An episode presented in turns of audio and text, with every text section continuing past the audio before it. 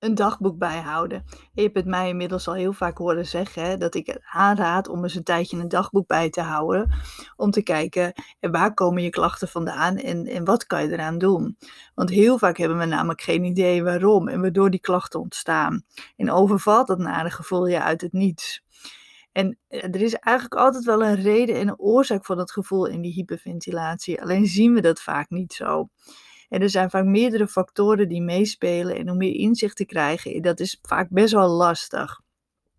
En in, in al die jaren dat ik uh, mensen, mensen coach, hè, dan adviseer ik echt het iedereen om een dagboek bij te gaan houden. En ik krijg dan een heel veel beter beeld van iemand met meer belangrijke informatie. Maar het levert ook jezelf heel veel inzichten op. En want ik denk namelijk dat je echt niet altijd een coach zoals ik nodig heb, maar ook zelf hiermee aan de slag kan gaan. Dus wil je ook meer inzicht hebben in het ontstaan van jouw hyperventilatie en klachten, zodat je weet wat je eraan kan doen. En start dan vandaag nog met het bijhouden van een dagboek. En want pas als je weet wat er gebeurt, waardoor je klachten ontstaan, dan ook pas weet je wat je kan veranderen, wat je eraan kan doen. Het is dus zo ontzettend belangrijk. Want heel vaak ja, wat ik zei, overvallen die klachten je. En heb je, ja, weet je gewoon niet zo goed hoe en wat, wat er gebeurt. En ja, want als ik jou vraag, wat heb jij gisteren allemaal gedaan? En wat heb jij tussen de middag gegeten? En dan moet je wel even goed en diep nadenken, omdat je dat vaak gewoon al helemaal niet zo bewust mee weet. En door het gewoon eens een tijdje op te schrijven, ja, dan, dan wordt het allemaal veel duidelijker voor jezelf.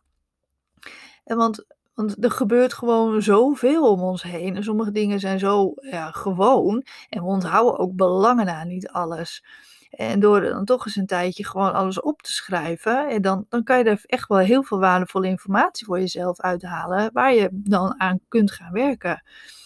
Ehm, wat, wat, wat ik uh, zelf doe, is ik heb bijvoorbeeld gewoon een, een, een lege agenda. En dus die gebruik ik echt alleen als, uh, als dagboek. Met, ik vind het zelf fijn om gewoon één pagina op één bladzijde te hebben. Maar ja, dat is wat jij zelf fijn vindt. En dan heb je gewoon heel duidelijk hè, de welke dag het is, welke maand het is. En dan kan je daar een tijdje gewoon wat, wat dingen op gaan schrijven. Je kan ook gewoon werken met een schriftje. En dan schrijf je op hè, welke dag het is. Want dat, dat is natuurlijk ook heel erg belangrijk. En dan... Uh, Um, ja, dan, dan kan je het voor jezelf gewoon eens een tijdje ja, bijhouden. Daarnaast kan het ook heel fijn werken om eens gewoon alles wat je in je opkomt eens een tijdje op te schrijven. En om gewoon je hoofd leeg te maken. Nou, dus wat kan je bijvoorbeeld allemaal noteren? Hè? Nou, wat ik al zei, welke dag het is. En ja, dat klinkt heel logisch, maar ja, dat is het niet altijd. Want um, ja, wat mij bijvoorbeeld heel vaak is opgevallen bij mensen, is dat uh, is dat heel veel mensen bijvoorbeeld uh, op woensdag gewoon uh, meer last hebben. Bijvoorbeeld, hè, ik noem nu woensdag, maar het kan net zo goed donderdag of vrijdag zijn. En, um, en als je dat voor jezelf weet, dat je na een tijdje, oh, dat je het noteert, dat je denkt, hé, hey, maar op woensdag heb ik wat meer last. Dan kan je eens gaan kijken, wat, ja, wat is er dan op woensdag anders dan op de andere dagen? Of wat is er dan op dinsdag anders? Hè, waardoor je misschien woensdag meer last hebt. Of misschien in jouw geval wel minder last hebt op die ene dag. Dus, dus ja, kijk, kijk daar dus gewoon een tijdje naar. nou, wat je natuurlijk sowieso ook gaat noteren is wat voor bijzonderheden er zijn op die dag en wat je gedaan hebt. Uh, heb je gewerkt? Heb je, weet je, heb je gehaast? Heb je, uh, ja, wat, wat heb je allemaal voor bijzonderheden? Heb je iemand gesproken? Heb je juist wat meer tijd voor jezelf genomen? Dus eigenlijk alles wat, uh, wat, wat anders is die dag, wat je gedaan hebt of wat opvalt en dat, dat noteer je. Nou, dan ga je natuurlijk ook noteren hoe je je voelt. heb je, voel je eigenlijk wel, wel redelijk vandaag? Of voel je je niet zo goed? Of heb je last van hoofdpijn? Heb je last van je buik? Of ja, noteer dat gewoon allemaal eens. En wat belangrijk is, dat je ook een onderscheid maakt in ochtend, middag, avond en eventueel de nacht. dat je dat ook duidelijk hebt voor jezelf. Van wanneer heb je nou, uh, ja, wanneer heb je nou wat gedaan?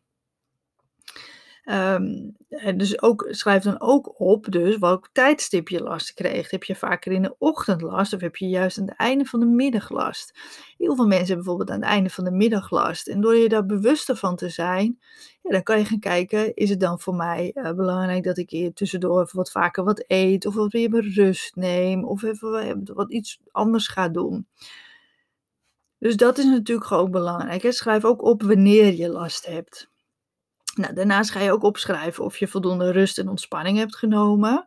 Uh, tijd voor jezelf hebt gehad. Of je bijvoorbeeld uh, hebt gesport of hebt wat bewogen. Of ja, dus, dus ook die dingen moet je natuurlijk goed op, uh, opschrijven.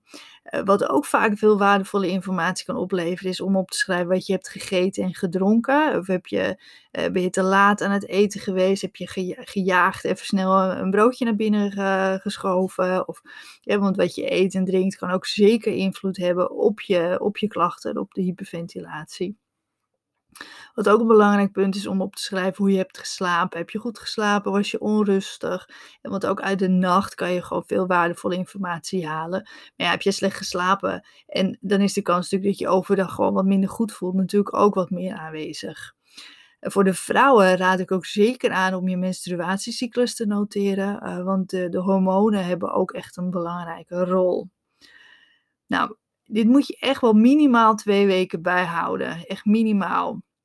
En het dan teruglezen alsof het eigenlijk een dagboek van een vreemde is. Oftewel met afstand en zonder oordeel. En wat je dan bijvoorbeeld kan doen, is dat je ehm, uh, met markeerstiften gewoon wat dingen gaat markeren die je opvallen in dat dagboek. Uh, of je pakt even een apart blaadje en dan, dan schrijf je gewoon op wat, uh, hey, wat valt me op. En dan kijk je bijvoorbeeld naar welk tijdstip heb je vaker last, welke dagen heb je vaker last, welke, naar welke activiteit heb je wat meer last, welke dagen slaap je wat beter, wanneer slaap je slechter. dus probeer dat echt met ja, met, met afstand te lezen. Dus of het van een vreemde is. Dus, dus die, het oordeel eigenlijk even los te laten.